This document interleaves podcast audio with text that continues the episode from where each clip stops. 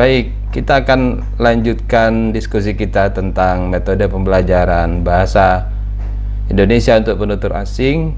Hari ini kita akan belajar metode yang lain. Kalau sebelumnya kita belajar metode audio lingual, hari ini kita akan belajar metode alamiah atau metode langsung apa ada di antara kalian yang tahu tentang metode ini sebelum sebelumnya atau pernah mengalami mungkin di waktu Anda sekolah di SMA? Ada? Baik, tidak ada. Sebelum saya lanjutkan, saya mau tanya di kelas ini uh, nanti beri reaksi ya. Yang bahasa ibunya bahasa Banjar. Beri reaksi. Boleh boleh pakai angkat tangan boleh pakai jempol. Yang bahasa ibunya bahasa Banjar. Bentar, saya harus sampaikan semuanya. Yang bahasa ibunya bahasa Banjar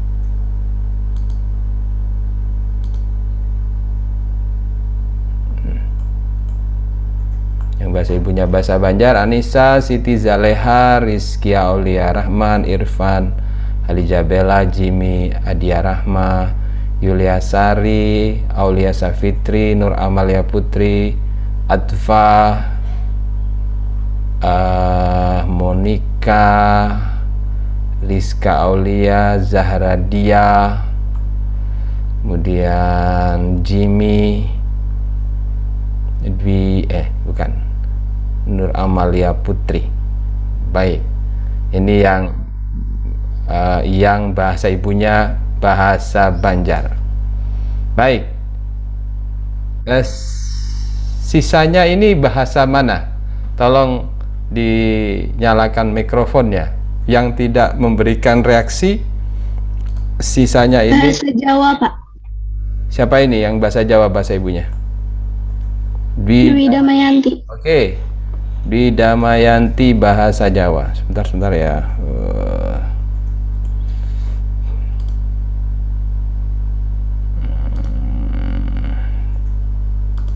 gimana ini?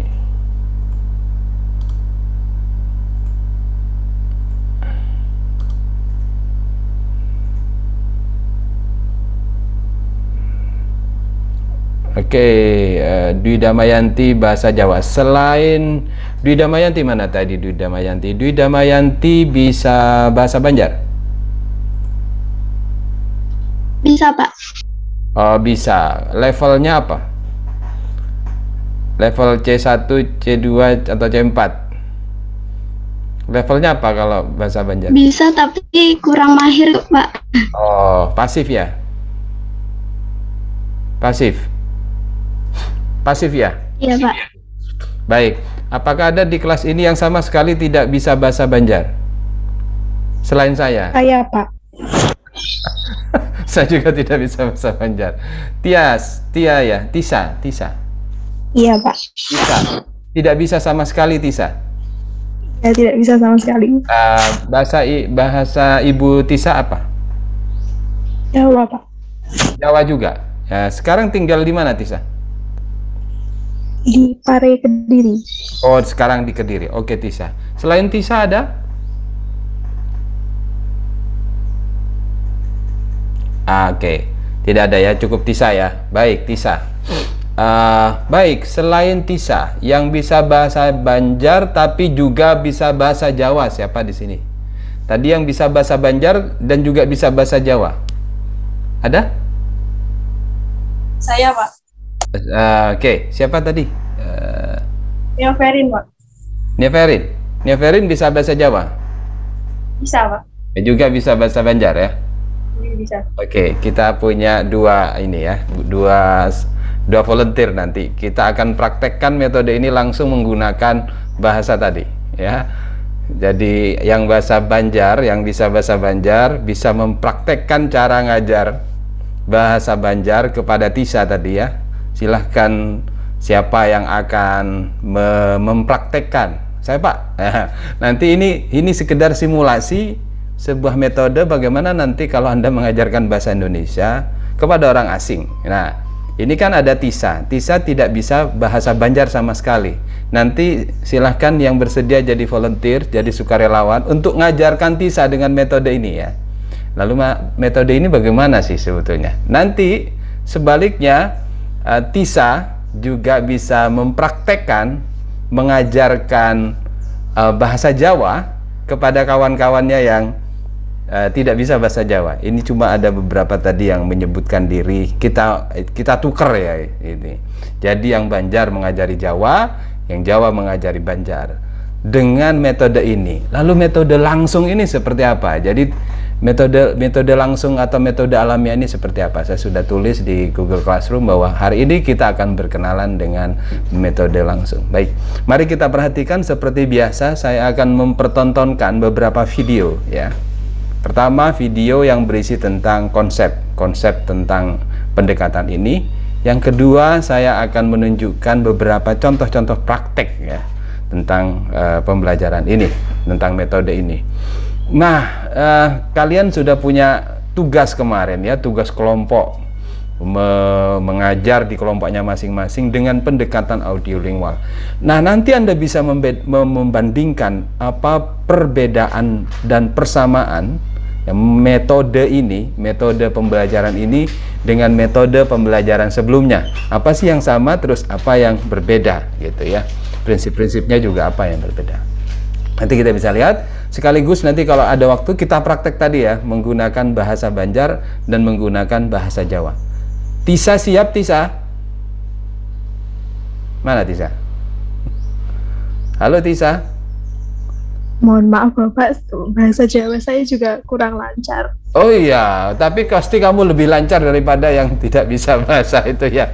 ya saya bisanya bahasa Jawa yang kasar Pak. Oh iya, tidak apa, ajari mereka yang kasar dulu, jangan yang halus ya.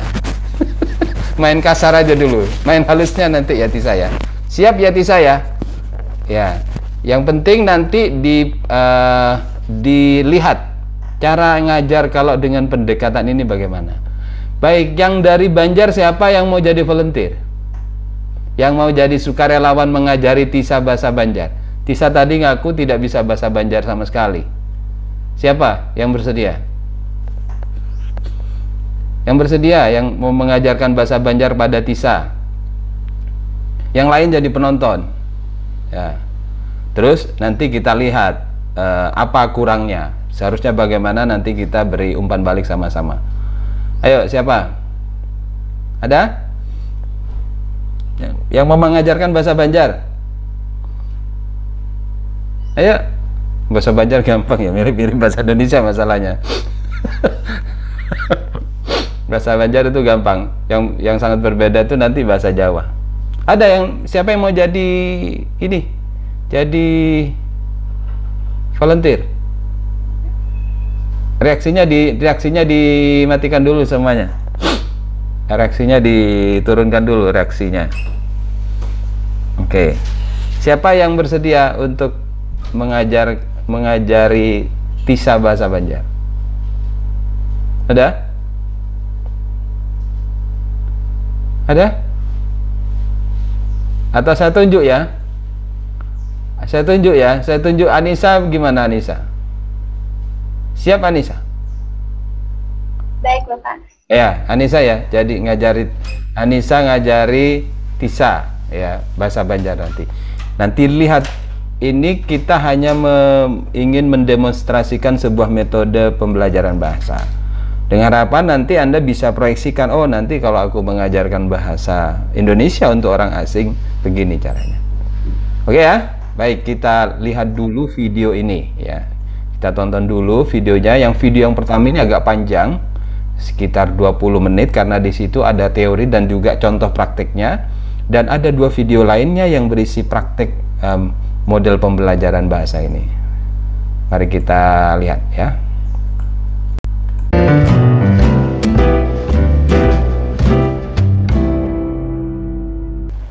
Iya, Di video kali ini kita akan membahas tentang metode langsung atau direct method atau yang juga sering disebut dengan natural method atau metode alami.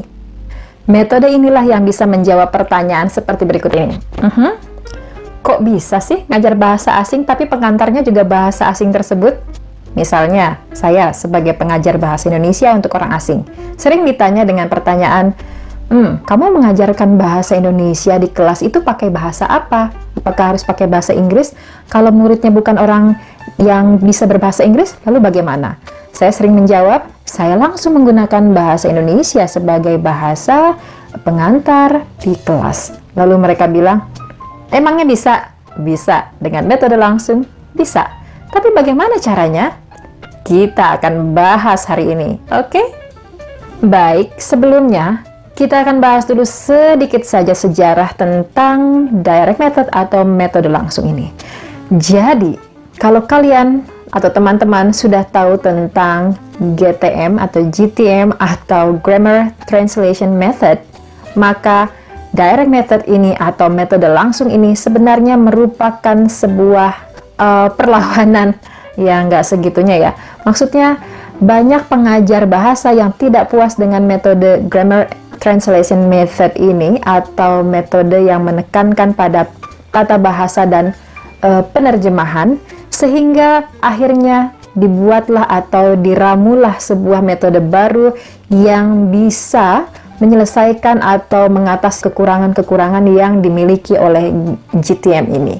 Ya jadi itu awal atau cikal bakalnya Lantas mengapa GTM ini dianggap memiliki kekurangan sehingga akhirnya dibayar oleh metode langsung? Nah, e, karena katanya bahwa GTM ini terlalu fokus pada pengajaran e, tata bahasa, kemudian e, caranya yang selalu menerjemahkan dari bahasa target ke bahasa uh, ibu atau bahasa pertama peng, uh, pembelajar ini membuat pengajaran bahasa menjadi tidak alami, pembelajar tidak terlalu terdorong untuk uh, menggunakan bahasa target dengan maksimal. Dan ini membuat pengajaran bahasa asing ini membuat eh, seperti terlalu di setting atau terlalu dibuat-buat begitu ya. Artinya tidak alami dari sinilah akhirnya pada tahun 1878, Maximilian Berlitz meramu atau menciptakan sebuah metode pengajaran bahasa yang disebut sebagai direct method yang pada mulanya dicetuskan juga oleh Gottlieb Hennes. Baik, sekarang kita akan mulai berbicara tentang seperti apa sih metode langsung ini, apa saja prinsip-prinsipnya, apa saja yang menjadi ciri khas, dan bagaimana penerapannya di dalam kelas. Jadi, secara umum, definisi metode langsung adalah sebuah metode pengajaran bahasa yang menekankan pada kemampuan atau peningkatan skill atau keterampilan lisan atau oral skills yang karena itulah dalam proses pengajarannya atau penerapannya menekankan pada keterampilan menyimak dan berbicara.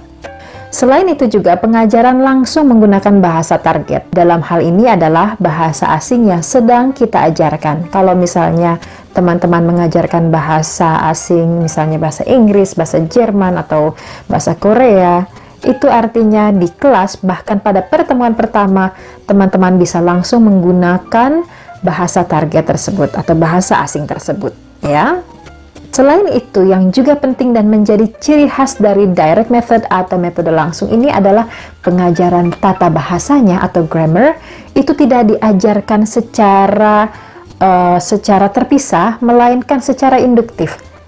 Pembelajar digiring atau dikondisikan untuk akhirnya bisa menangkap konsep-konsep tata bahasa yang terdapat dalam bahasa target Ya, seperti halnya kita ketika dulu pertama kali kita belajar bahasa Indonesia diajari oleh ibu kita begitu ya.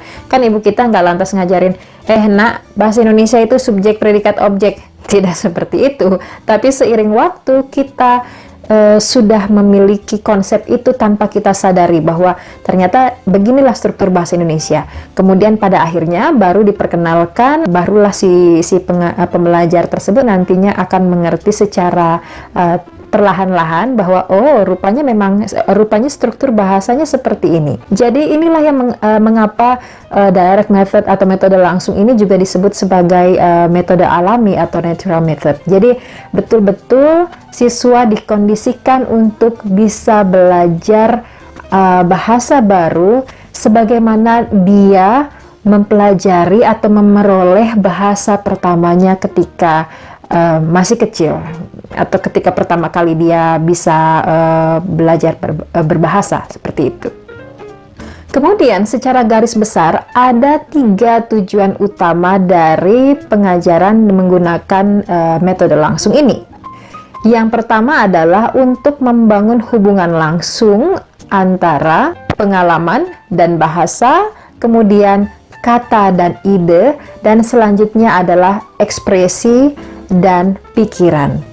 Kemudian tujuan yang kedua adalah tentunya untuk membuat siswa dapat berkomunikasi menggunakan bahasa target dan yang terakhir seperti yang sudah saya katakan tadi bahwa eh, bagaimana caranya agar si siswa ini bisa belajar bahasa baru atau bahasa target sebagaimana dulunya dia belajar bahasa pertamanya dia.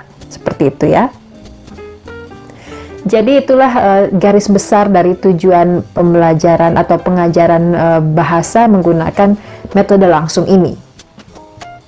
Dan tentu saja tidak ada proses menerjemahkan dari bahasa uh, target ke bahasa uh, pertama siswa. Jadi inilah yang sangat uh, membedakan antara direct method atau metode langsung ini dengan grammar and translation method ya. Jadi dalam metode langsung selain pengajarannya menggunakan uh, langsung menggunakan bahasa target juga tidak ada menerjemahkan atau tidak menerjemahkan. Seperti halnya balik lagi seperti halnya ketika kita pertama kali belajar bahasa pertama, tentu uh, orang tua kita tidak tidak lantas uh, ketika kita tidak paham begitu bahasa misalnya bahasa Indonesia lalu orang tua kita menerjemahkan ke dalam bahasa lain ya. Jadi ini yang betul-betul menjadi ciri khas dari metode langsung ini.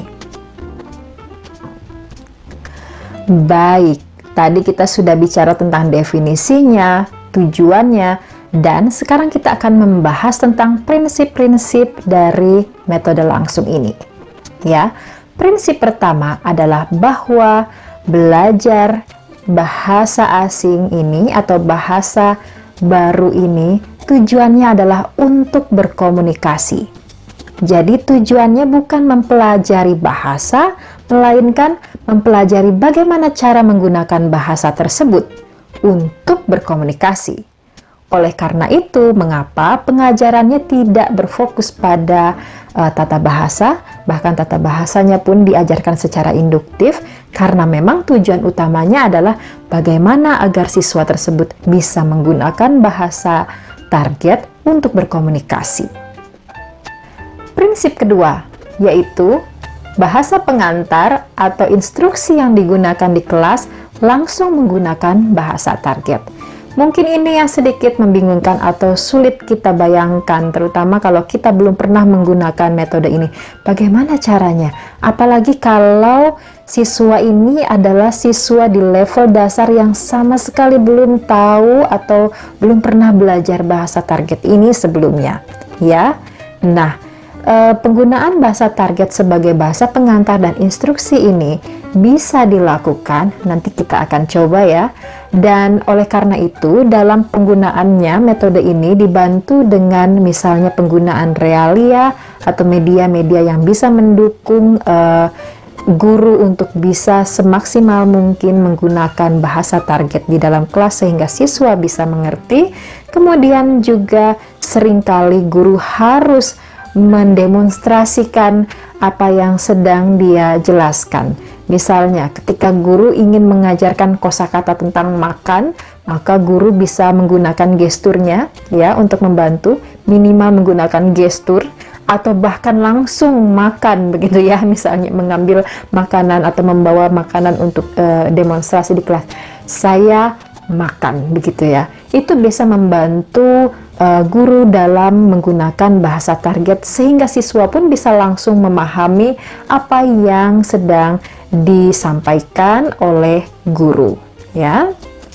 Selanjutnya adalah yang tadi, tata bahasa diajarkan secara induktif. Jadi tidak terpisah, tidak lepas dari konteks. Misalnya topiknya tentang uh, tentang aktivitas sehari-hari, lalu ada percakapan dua orang yang sedang saling menceritakan kegiatan sehari-hari, maka di dalamnya ada tata bahasa, misalnya tentang penggunaan imbuhan me, dan itu diajarkan tidak terpisah dari konteks tersebut. Jadi guru tidak hanya tiba-tiba di kelas mengajarkan, oke okay, hari ini kita akan belajar tentang imbuhan me tanpa diterapkan ke dalam konteks atau uh, bagaimana cara penggunaannya di dalam kalimat maupun saat berkomunikasi uh, dengan orang lain atau mitra tutur. Jadi seperti itu, induktif dan harus ada konteksnya. Begitu ya maksudnya. Dan dengan cara ini pula, nanti siswa uh, dikondisikan seperti yang sudah saya sampaikan tadi, siswa dikondisikan untuk kemudian bisa memahami atau menangkap konsep-konsep uh, tata bahasa atau grammar, uh, grammar ini dari bahasa target ini. Misalnya ketika akhirnya dia sering menggunakan kata dengan imbuhan me, maka akhirnya dia tahu bahwa imbuhan atau kata berimbuhan me ini digunakan dalam kalimat aktif begitu. Sehingga ketika pada akhirnya guru membantu siswa untuk menyimpulkan uh, ihwal tata bahasa yaitu tentang imbuhan me ini, siswa sudah punya uh, pemahaman mengenai kapan imbuhan me ini digunakan dan bagaimana atau apa artinya dalam kalimat. Seperti itu. Nah, selanjutnya prinsip berikutnya adalah adanya penekanan terhadap uh, pengucapan yang tepat dan struktur atau tata bahasa yang tepat yang uh, dilakukan oleh siswa. Jadi, guru sangat memperhatikan betul ketika siswa menggunakan atau mengucapkan kata, maka guru memperhatikan apakah siswa tersebut bisa melafalkan kata tersebut dengan tepat, begitu ya. Itu prinsip berikutnya. Selanjutnya yang juga menjadi prinsip dari metode langsung ini adalah bahwa siswa dipacu untuk bisa mengoreksi atau memperbaiki kesalahannya secara langsung atau secara uh, secara mandiri begitu ya. Jadi ketika siswa mengucapkan satu kata dengan uh, misalnya dengan uh, tidak tepat, misalnya uh, kepala menjadi kelapa misalnya, maka uh, si siswa ini di diberi stimulus untuk bisa me, apa namanya memperbaiki kesalahannya secara mandiri. Jika siswa masih belum menyadari kesalahannya, maka guru bisa memancing dengan bilang, misalnya ya, kelapa atau kepala. Jadi siswa tahu bahwa ada yang salah dari apa yang sedang dia ucapkan. Maka siswa bisa me menyadari bahwa dia melakukan kesalahan uh, dan akhirnya dia bisa memperbaiki sendiri kesalahannya tersebut. Nah, sekarang untuk lebih jelasnya saya akan coba mempraktikkan atau membuat simulasi penggunaan metode langsung di kelas ya uh, untuk kelas BIPA atau Bahasa Indonesia bagi penutur asing di level BIPA 1 atau level A1 ya. Artinya siswa-siswa ini belum bisa berbahasa Indonesia sama sekali. Oke. Okay? Dan uh, teknik yang akan saya gunakan hanya satu dari uh, beberapa jenis teknik yang di, biasanya digunakan atau diterapkan dengan uh, menggunakan atau ketika kita menggunakan metode langsung. Jadi teman-teman uh, bisa lihat dan nanti kita akan bahas perbagiannya. Dan maaf jika ada kekurangan ya. Baik selamat menyaksikan.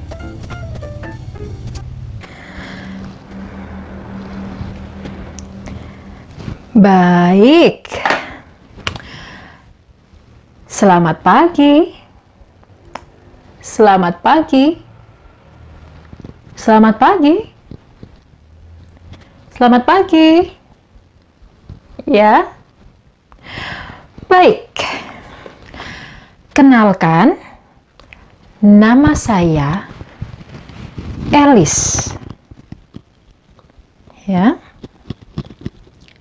Kenalkan, nama saya Elis. Mhm. Kenalkan, nama saya Elis. Nama saya Elis. Kenalkan, nama saya Elis.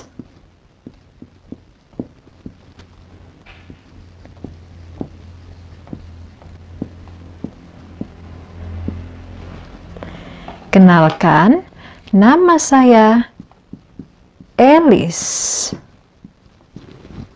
Mhm. Nama saya Elis. Kenalkan, nama saya Elis. Ya? Baik. Siapa nama Anda? Mhm. Siapa nama Anda? Siapa nama Anda? Bagus. Bagus. Siapa nama Anda? Bagus. Siapa nama Anda? Ya. Siapa nama Anda? Nama saya Elis. Siapa nama Anda? Nama saya. Bagus. Nama saya Rina. Bagus. Ya. Siapa nama Anda? Siapa nama Anda? Nama saya Rina. Nama saya Rina. Tolong ulang. Bagus. Oh, bagus. Bagus. Bagus. Bagus, ya. Oke, lagi. Siapa nama Anda? Siapa nama Anda? Tolong ulang. Hmm, nama Anda John. Nama Anda John. Ya? Oke, bagus. Ya. John tanya. Tanya. John tanya. Hmm. Nama saya bagus. Oh, pintar sekali ya. Bagus ya. Kenalkan nama saya Elis. Siapa nama Anda? Ya, bagus. Nama Anda Tony. Saya Anda. Saya Anda. Saya Anda. Oke? Siapa nama Anda? Ya, bagus. Nama Anda Rina. Ya. Siapa nama Anda? Hmm? Nama saya, bukan Anda. Nama saya. Iya, bagus John. Nama saya John, ya. Kenalkan, nama saya Elis. Siapa nama Anda? Nama Anda Tony. Oh, saya lupa. Nama Anda Tony. Siapa nama Anda? Ya, nama Anda John. Siapa nama Anda? Iya, bagus. Rina, tanya. Tony. Tanya. Tony. Tanya Tony. Ya. Bagus. Rina tanya Tony siapa nama Anda? Dan Tony bilang nama saya Tony. Oke. Okay. Baik. Hmm. Lagi. Tony. Tony. Siapa nama dia? Siapa nama dia?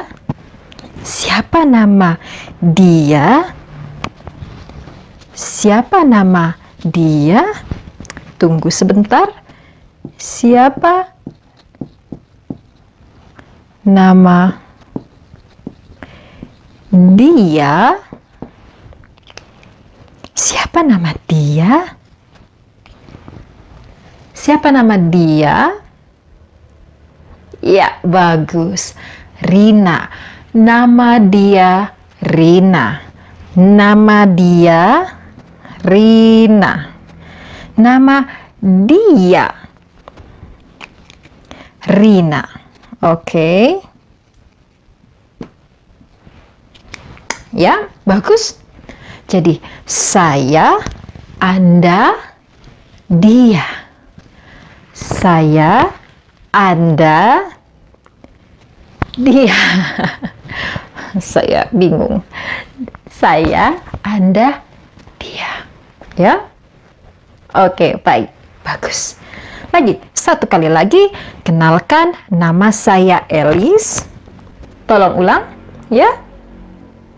Bagus. Kenalkan nama saya Tony.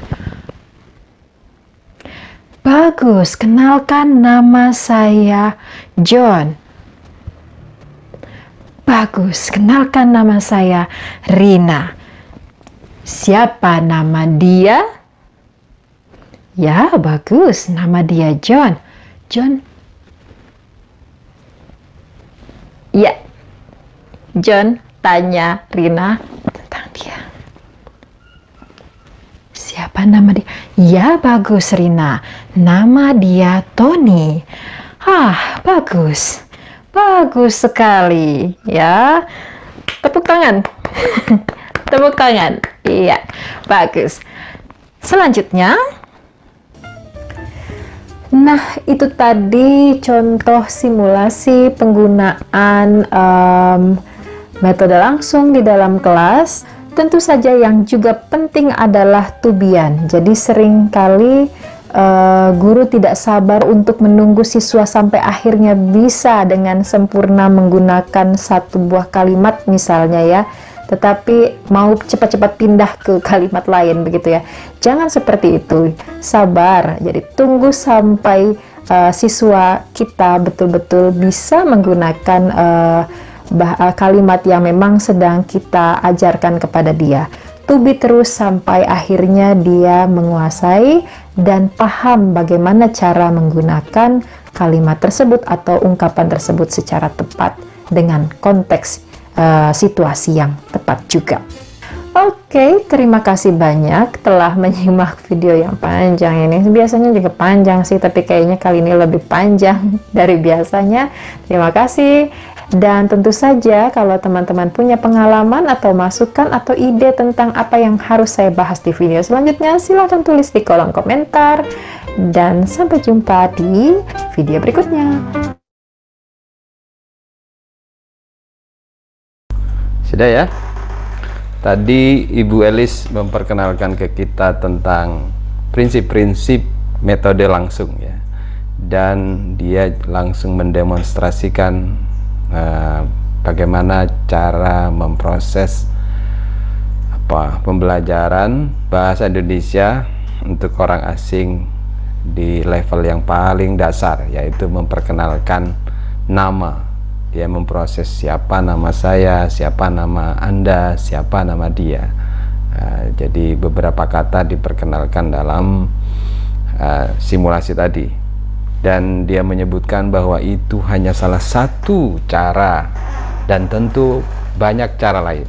Mari kita saksikan lagi cara yang lain ya, itu caranya Bu Elis. Kita saksikan dua cara lain ada cara olahraga, ada cara gawai. Jadi ada ada berbagai macam cara. Nah, ini yang saya kira penting nanti ada project individual ya untuk setiap uh, mahasiswa. Ya. Nanti kalau proyek satunya, proyek pertama adalah praktek mengajar di dalam kelompok. Nah, proyek kedua itu proyek individu, mempraktekkan model pembelajaran dengan caranya Bu Elis ya atau dengan cara yang lain ya. Dengan cara yang lain, tidak ada siswanya tapi Anda sendirian bercakap-cakap seperti di depan Anda. Anda sedang mengajari orang asing. Oh iya, tanggal 28 kita akan kedatangan tamu ya. Sudah saya umumkan di Google Classroom. Tamunya istimewa dosen FIB dosen BIPA yang sekarang mengajar BIPA di Jepang. Mudah-mudahan Anda bisa juga sampai ke Jepang hanya gara-gara bahasa Indonesia tapi sebelum itu apakah Anda sudah pernah ikut UKBI siapa di sini yang sudah mengikuti ujian kemahiran bahasa Indonesia aduh geleng kepala ya setelah ini tolong Anda pergi ke ke Badan Bahasa Banjarbaru ya. Tempat tesnya di sana. Karena apa? Karena syarat untuk bisa mengajar bahasa Indonesia di luar negeri Anda harus punya sertifikat UKBI ya. Tanpa itu Anda tidak bisa mengajar. Siapa tahu mungkin mungkin masih muda, belum punya keluarga, ingin jalan-jalan hanya dengan paspor kemahiran bahasa Indonesia. Saya yakin Anda bisa ya silahkan bayar sendiri dong saya nggak bisa bayarin anda semuanya ya kalau yang di Jawa yang sekarang ada di Kediri bisa datang ke badan bahasa setempat ya karena itu otoritasnya badan bahasa. Tahu ya badan bahasa ya? Di sana untuk mendapatkan sertifikat UPI nah sertifikat UPI ini ada masa berlakunya. Tidak terus-terusan berlaku. Jadi mungkin hanya dua tahun atau berapa setelah itu anda harus dites lagi gitu. Jadi supaya tahu anda itu mahir tidak bahasa Indonesia. Jangan-jangan Anda tidak mahir bahasa Indonesia. Jadi UKBI uji kemahiran bahasa Indonesia. Silahkan kalau sudah ada UKBI beritahu saya, beritahu prodi ya. Siapa tahu ada program-program yang akan mengirim mahasiswa kita ke luar negeri. Kita kan sudah punya kerjasama ya dengan beberapa universitas di luar negeri. Anda ingin jalan-jalan kan ke luar negeri?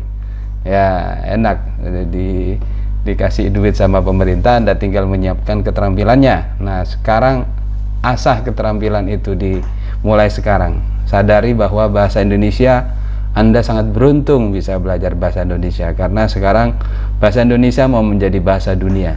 Dan Anda lah pasukannya kan begitu. Tidak semua orang bisa mengajarkan bahasa Indonesia. Baik uh, kita lihat dua video lagi. Setelah itu kita praktek ya. Tadi si Tisa dan Anissa. Kita lihat bagaimana cara Anissa mengajari Tisa atau sebaliknya Tisa mengajari Anissa? Anissa mengajari bahasa Banjar Tisa mengajari bahasa Jawa. Mari kita lihat metode menggunakan gawai. Ini metode menggunakan gawai. Kita lihat ya. Direct method juga. Ini tapi ini untuk kasus uh, belajar bahasa Inggris ya. Okay, everyone. They are studying at school.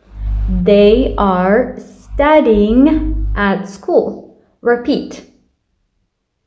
Excellent.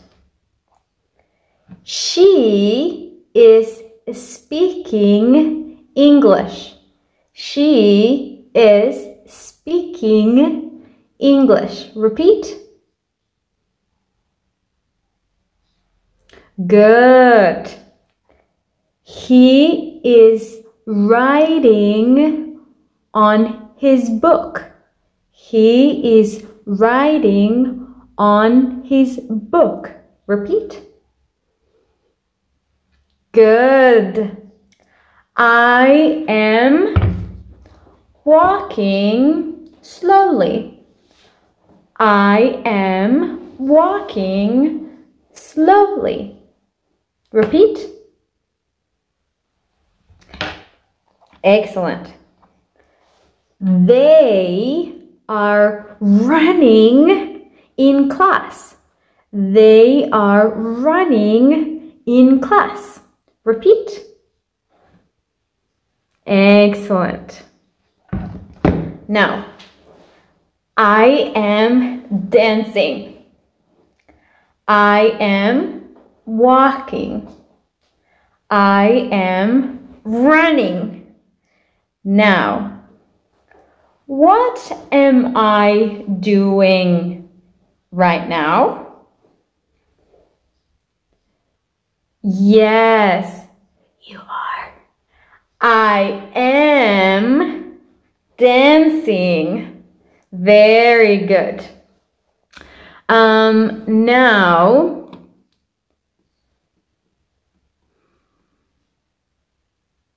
mm, now, what is Carla doing? Yes, she is riding. Very good. Now, is she running? No, she isn't. Repeat. No, she is not. Or isn't. No, she isn't. Exactly. What about Juana? Is she dancing or sitting down? Sitting down. Is she dancing or sitting down? Hmm? Yes, she is sitting down. Very good, very good.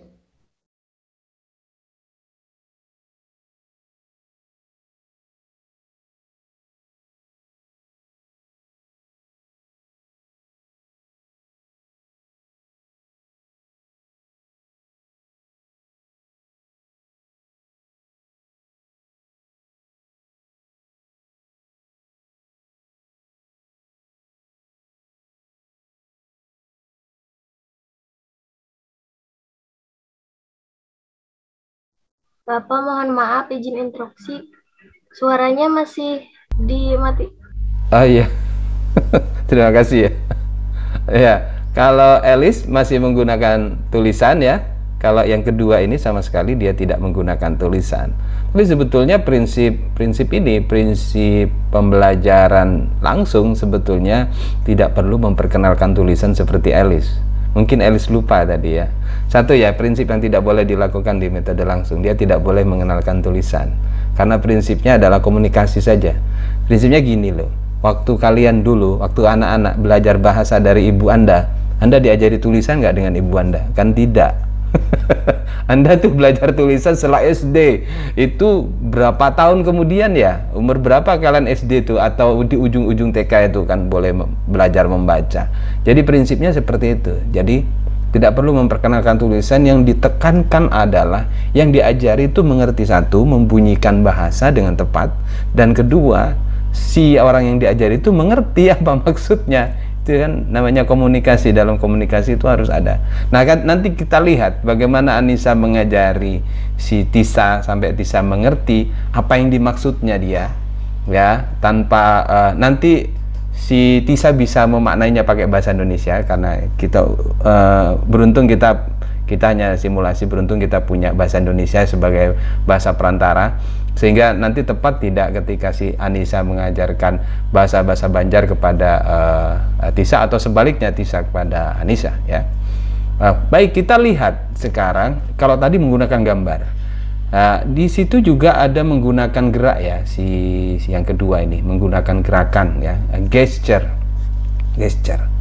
Gesture. Nah sekarang kalau tadi dia banyak memperkenalkan kata kerja tapi misalnya menulis gitu ya uh, menulis berlari apa tadi lagi uh, menari ya.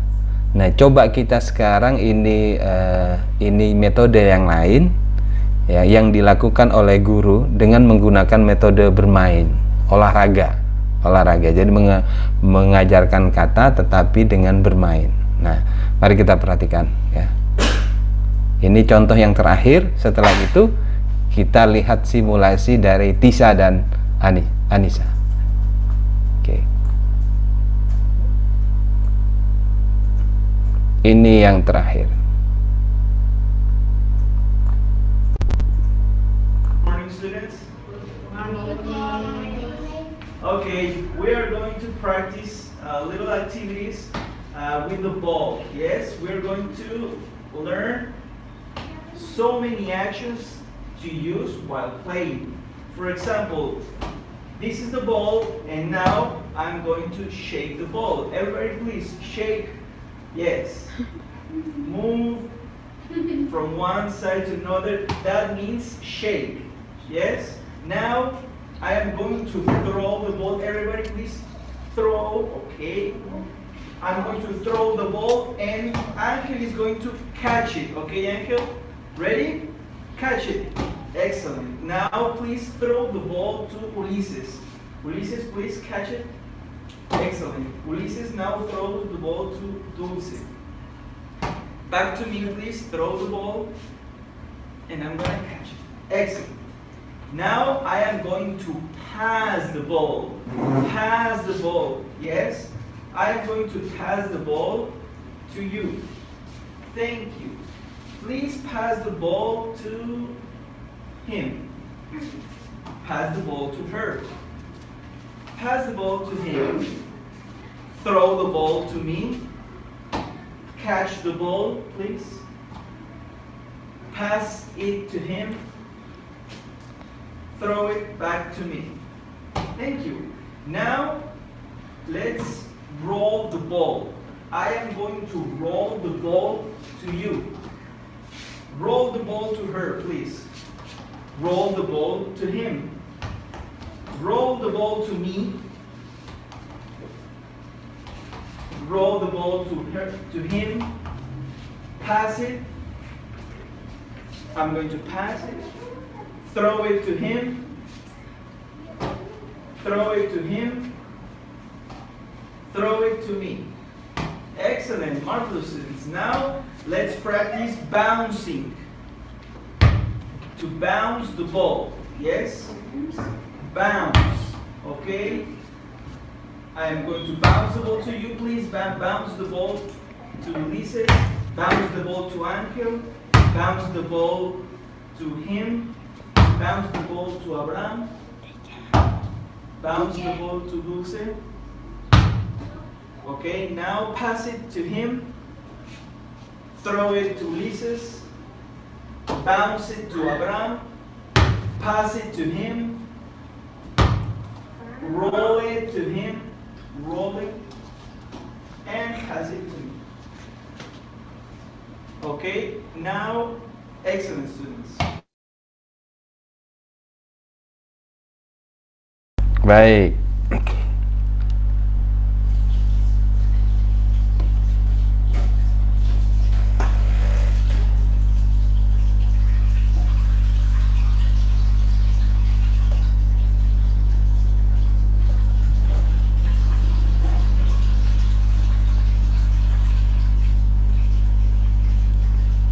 Mati ya internetnya ya?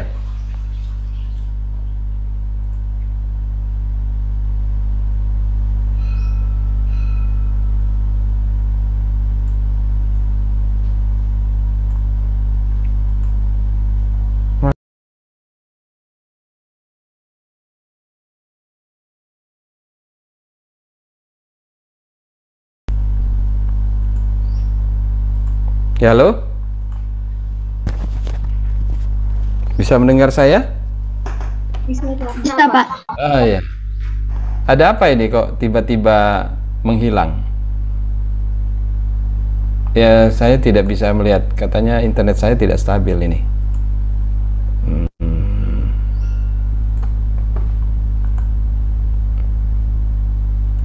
Oke, Eh, Anissa, tadi videonya sampai selesai ya?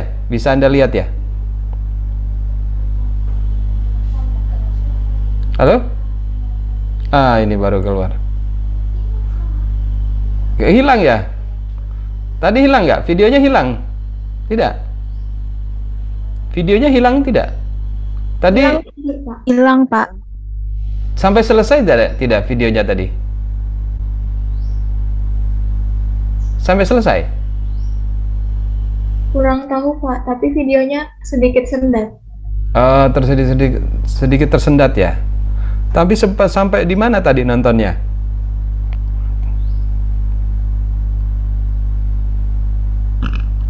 Sampai di mana?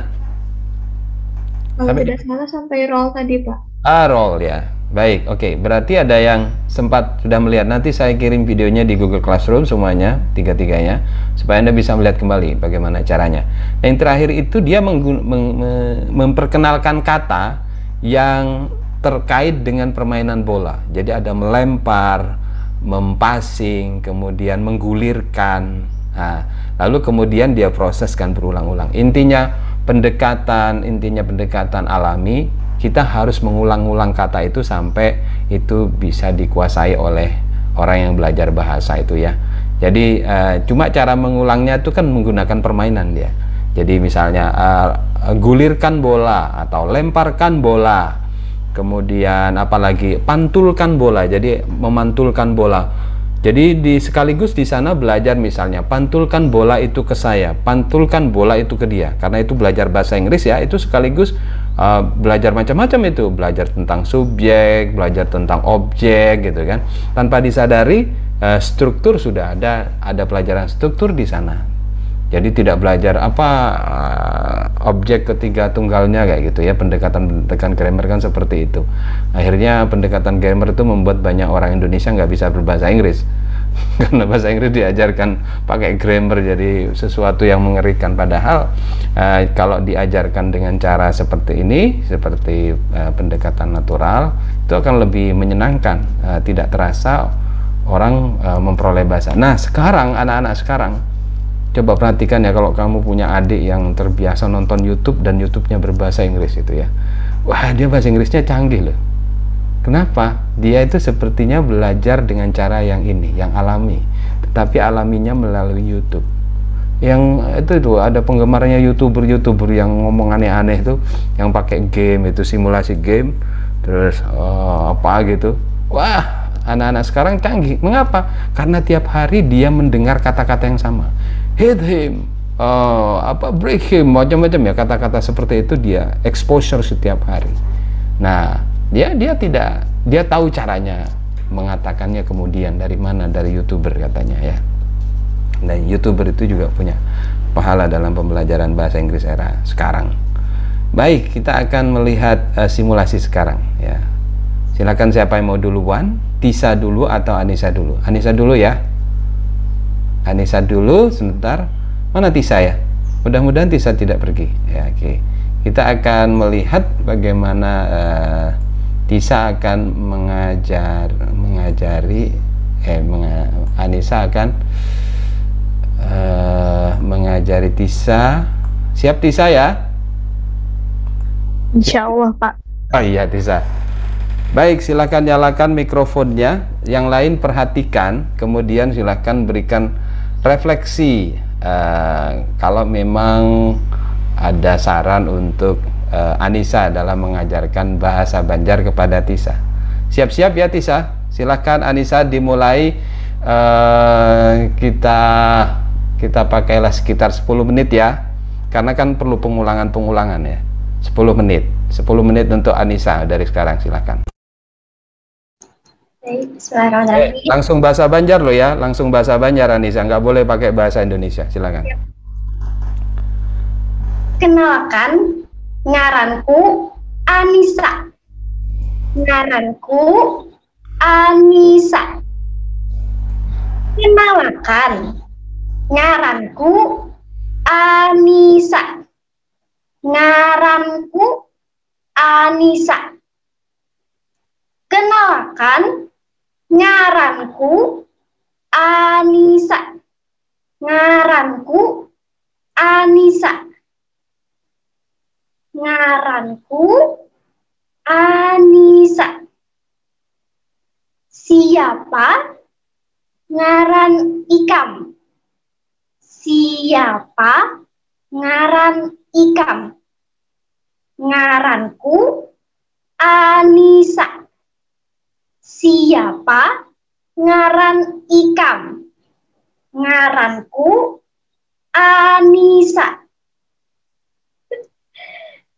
Siapa ngaran ikam? nyalakan Tisa mikrofonnya itu ngajak dialog itu Anissa kasihan mulai tadi itu minta direspon.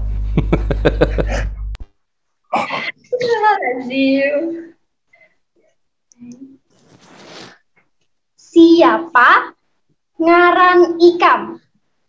Ngaranku Tisa. Siapa na ngaran ikam? Ngaranku Tisa.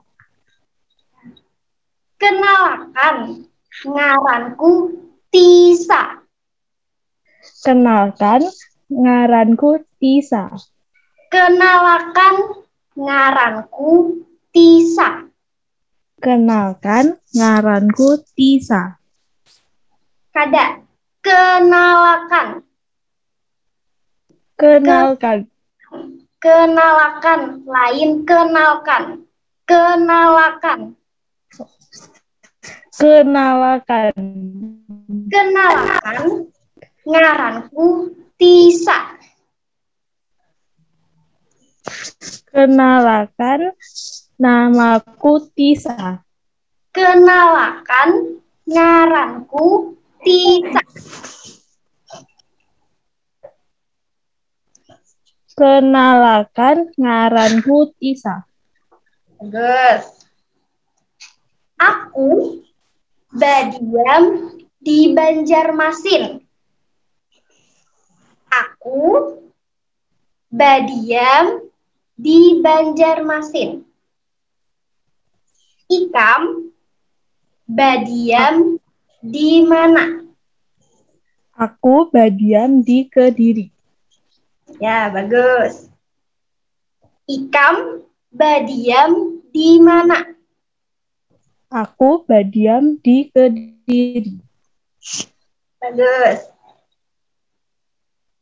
Takuni Atfa badiam di mana? Atfa badiam di mana? Aku badiam di Tanjung. Bila betakun, sambat ikam badiam di mana? Ikam badiam di mana?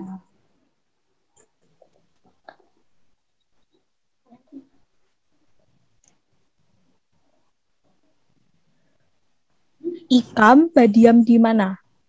Ya, bagus. Takuni Atfa badiam di mana? Ikam badiam di mana? Atfa, ikam badiam di mana? Aku badiam di Tanjung. Kenalkan ngaran ikam. Kenalkan, nama ikam Tisa. Kenalkan namaku Tisa. Lain kenalkan nama ikam.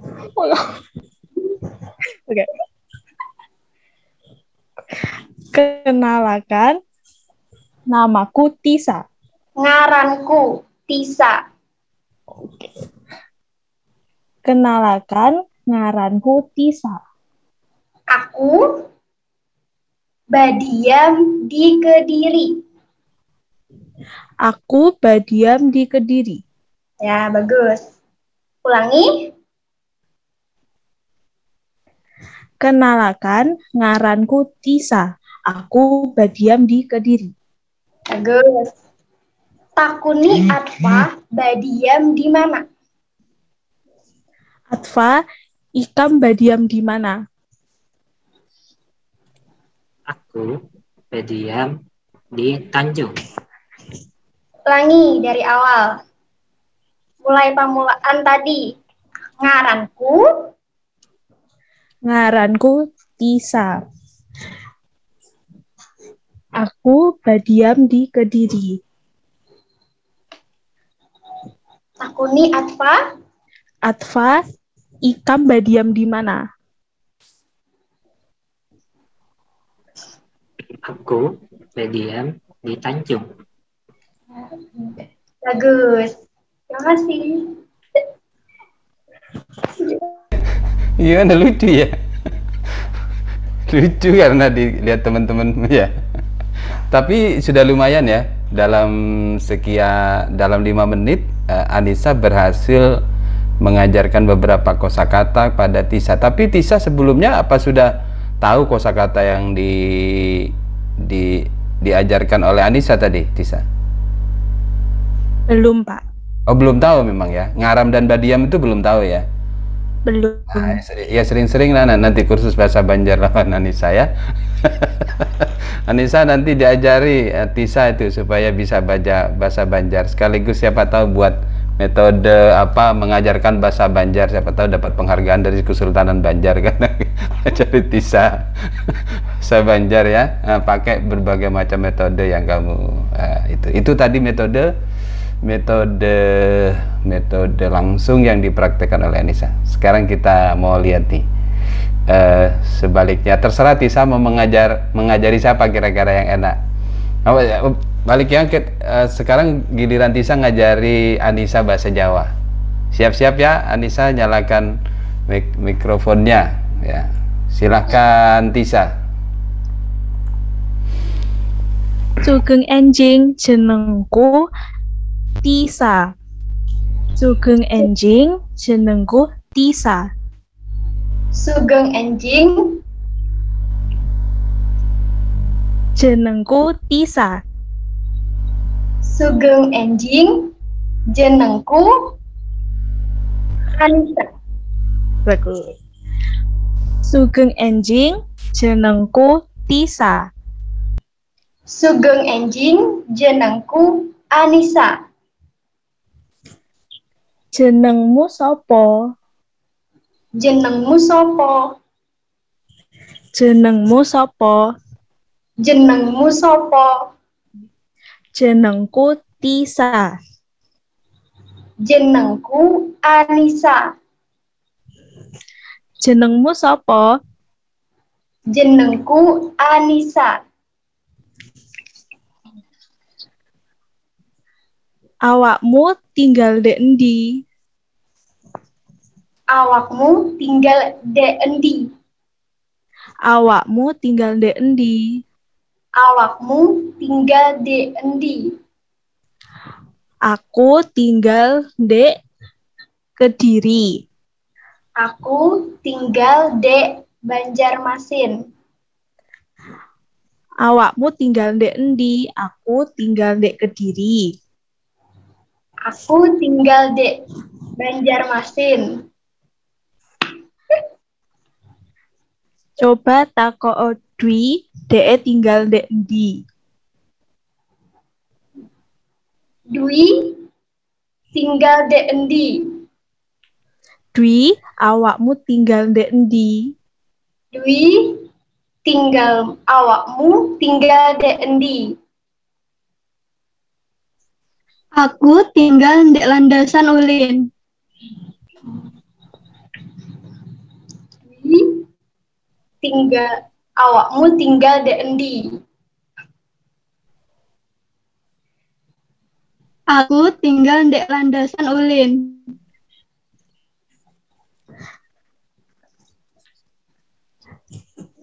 Sugeng enjing, jenengku Tisa. Jenengmu sopo? Jenengku Anissa. Awakmu tinggal di endi?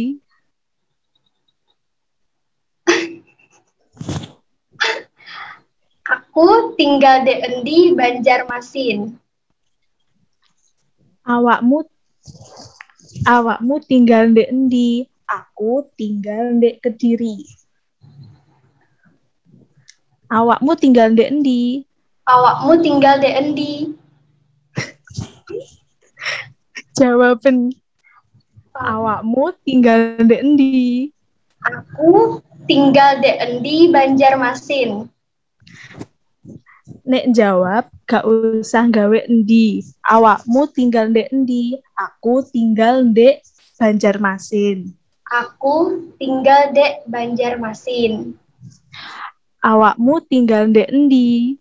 Aku tinggal di Banjarmasin. Bagus. Ulangi cat awal. Jenengku Anissa. Aku tinggal di endi Banjarmasin. Aku tinggal di Banjarmasin. Aku tinggal di Banjarmasin.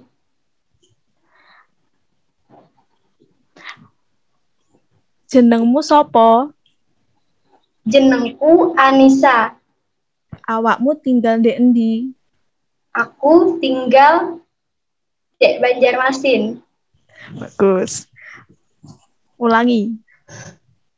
Jenengku Anissa. Aku tinggal di Banjarmasin. Coba takoo Siti Zaleha DE tinggal di endi?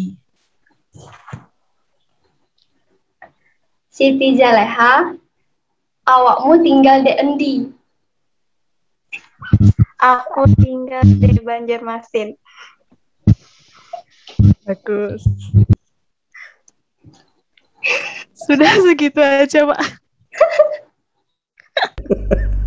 Oke, terima kasih ya atas ragaannya. Oke, tapi ini masih terpengaruh sama Elis ya. Nanti silahkan kembangkan sendiri bahwa caranya Elis itu uh, cuma salah satu cara dan tentu harus dipersiapkan ya. Kalau anda mau mengajar met dengan metode ini metode ini metode metode ini. Ini gara-gara terpengaruh. Ini ya. Ya susah bersusah payah sih Tisa mengajarkan apa Anissa bahasa Jawa sampai kebalik-balik. Nah Uh, tapi memang kalau mau mengajarkan bahasa kita harus mempersiapkan kira-kira apa saja ekspresi yang akan diajarkan. Nah supaya perulangannya tidak bosan setelah itu kan apa ya setelah ini ya apa setelah ini. Nah, dan kalau sekarang kalau bisa uh, kalau saya minta anda untuk menyimpulkan apa kira-kira perbedaan uh, dan persamaan metode ini metode langsung ini dan metode audio lingual apa perbedaannya? Bisa tidak anda atau persamaannya? Kalau persamaannya jelas ya bahwa persamaannya sama-sama me, apa me, berpusat pada keterampilan lisan ya berpusat pada keterampilan lisan. Tapi kalau audio lingual itu masih menggunakan tulisan ya dia ada ada mengembangkan struktur di akhir di akhir proses pembelajaran tuh masih memperkenalkan pengembangan struktur misalnya. Kalau di audio lingual tidak di apa di di natural tidak. Tidak sepenuhnya apa bahasa itu untuk tujuan komunikasi ya. Bahasa itu diperkenalkan pada level bunyinya saja. Bisa dipahami kemudian dia bisa berinteraksi. Cuma uh, caranya itu harus dikembangkan ya. Uh, misalnya tadi ada yang metode menggunakan gerak ada metode pakai gesture ada metode gambar. Nah itu bisa saling melengkapi ketika satu media itu terbatas. Uh, uh, penggunaan media menjadi sangat penting di dalam metode ini karena kan tidak semua tidak semua apa tidak semua gesture itu bisa mengungkapkan semua bahasa. Karena itu uh, pengembangan media saya kira perlu. Nah ini mungkin bisa Anda pikirkan nanti sebagai tugas individu Anda mau memilih yang mana? Boleh memilih uh, praktek demonstrasi media pembelajaran sendiri atau Anda menciptakan media media pengembangan dari materi yang sudah Anda baca pada pertemuan sebelumnya.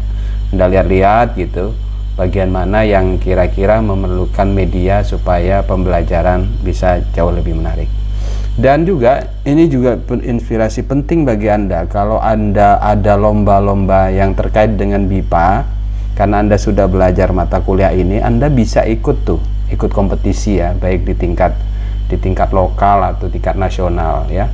Itu biasanya ada kompetisi-kompetisi kayak gitu. Kalau ada kompetisi silahkan ikut. Jadi kalau ada misalnya kompetensi uh, kompetisi pengembangan media pembelajaran ingat kalian sudah punya pengalaman belajar BIPA di, dari kelas ini. Ikut kompetisinya. Ikut kompetisinya apa kira-kira? Buat yang lebih menarik bisa kolaborasi. Kalau anda tidak mampu membuat media yang menarik karena anda eh, karena itu bukan skill yang utama anda anda bisa kolaborasi dengan mahasiswa yang bisa. Boleh dari fakultas lain ya. Ikuti kompetisi-kompetisi nasional yang oh di aku sudah belajar BIPA nih tetapi saya pikir di BIPA ini perlu media ini karena kalau dengan media ini akan semakin menarik. Nah me metode langsung ini juga bisa dilakukan dengan jalan-jalan loh ya. Itu tidak ada tidak ada videonya. Jadi cara belajarnya itu jalan-jalan. Karena jalan-jalan pergi ke tempat wisata dan di situ dia mereka langsung belajar kan. Ketemu dengan berbagai macam hal. Ini pentol misalnya ya kan. Eh, pentol pentol langsung. Ini paman pentol. Jadi bahasa itu langsung diperkenalkan dalam konteksnya yang nyata ya ini namanya paman pentol. Di sini paman pentol ini pentol. Ini namanya apa? Itu kan? Jadi belajar kata-kata kosakata. Nah, nanti besok dibawa lagi ke pentol. Apa ini? Ini pentol. Ini apa? Ini saus. Ini saus manis ini saus pedas misalnya kan? Kayak gitu. Atau jalan-jalan lagi uh, jalan ke mana. Jadi kita bisa apa, memperoleh bahasa itu langsung dari dari alam dari dari proses-proses yang yang alamiah nah, nah seperti itu Baik, ada yang ingin ditanyakan sampai di sini? Kalau tidak ada, saya cukupkan sampai di sini. Jangan lupa untuk mengisi daftar hadirnya ya. Uh, dan jangan lupa juga untuk memikirkan mulai sekarang karena di akhir sesi saya Anda harus membuat dua hal ya. Satu itu tadi di kerja kelompok ya. Yang kerja kelompok itu yang waktunya dua minggu itu pembelajaran yang satu praktik jadi guru yang satunya yang yang lainnya jadi murid di dalam kelompok. Yang yang yang kedua itu proyek akhirnya adalah membuat media pembelajaran BIPA e, bisa seperti ini tadi Anda boleh mempraktekkan media metode pembelajaran ya, satu metode pembelajaran dengan cara dengan cara Anda misalnya anda dalam dalam dalam dalam dalam mengajar ini mau mengajar dengan metode apa, kemudian untuk level BIPA apa, nanti itu dijelaskan. Waktunya sama, tidak boleh lebih dari 10 menit ya. Kalau Anda menggunakan metode direct method atau metode ya, audio lingual, Anda katakan. Jadi kalau Anda mau mengajar, mau mendemonstrasikan cara pembelajaran, memproses, jelaskan saya sedang memproses materi apa di dalam buku yang sudah Anda baca di sesi sebelumnya ya. Jadi itu uh, tugas ada dua tugas ya. Pertama tugas kelompok, yang satu tugas uh, individu. Jadi tidak ada tidak ada ujian konsep ya, tidak ada ujian apa, tidak ada ujian tulis. Jadi hasil dari mata kuliah ini adalah produk. Satu produk tadi kerja kelompok, yang kedua produk individu. Ya video-video sederhana lah ya. Video-video sederhana uh, yang arahnya ke BIPA, uh, pengembangan media pembelajaran BIPA. Sambil-sambil dilihat juga, mungkin di tempat lain juga sudah ada yang membuat seperti ini. Hindari uh, apa kalau sama, usahakan mencari materi yang baru, ya. Takut nanti anda dituduh melakukan plagiasi atau menjiplak. Di diusahakan jangan sampai sama dengan yang sudah dilakukan oleh orang lain, ya. Baik, ada yang ingin ditanyakan sampai di sini? Kalau tidak ada, saya cukupkan sampai di sini. Ada? Tidak ada ya? Baik, eh, sampai ketemu pada minggu yang akan datang. Nanti silakan tonton lagi videonya di Google Classroom. Minggu yang akan datang kita mungkin akan apa berkenalan dengan metode yang tadi disebut di videonya Elis bahwa metode langsung ini adalah melawan GTM atau apa tadi GTM itu? Nah melawan GTM itu nanti apa tuh GTM pembelajaran GTM nanti kita lihat GTM bagaimana caranya ngajar kalau GTM nah, cuma GTM ini harus uh, mempersyaratkan si pengajar harus mengerti bahasa lain selain bahasa uh, bahasa sasaran bahasa target Baik, saya kira sampai di situ dulu. Assalamualaikum warahmatullahi wabarakatuh. Waalaikumsalam warahmatullahi wabarakatuh. Warahmatullahi wabarakatuh. Banyak Bapak. Banyak Pak. Oke.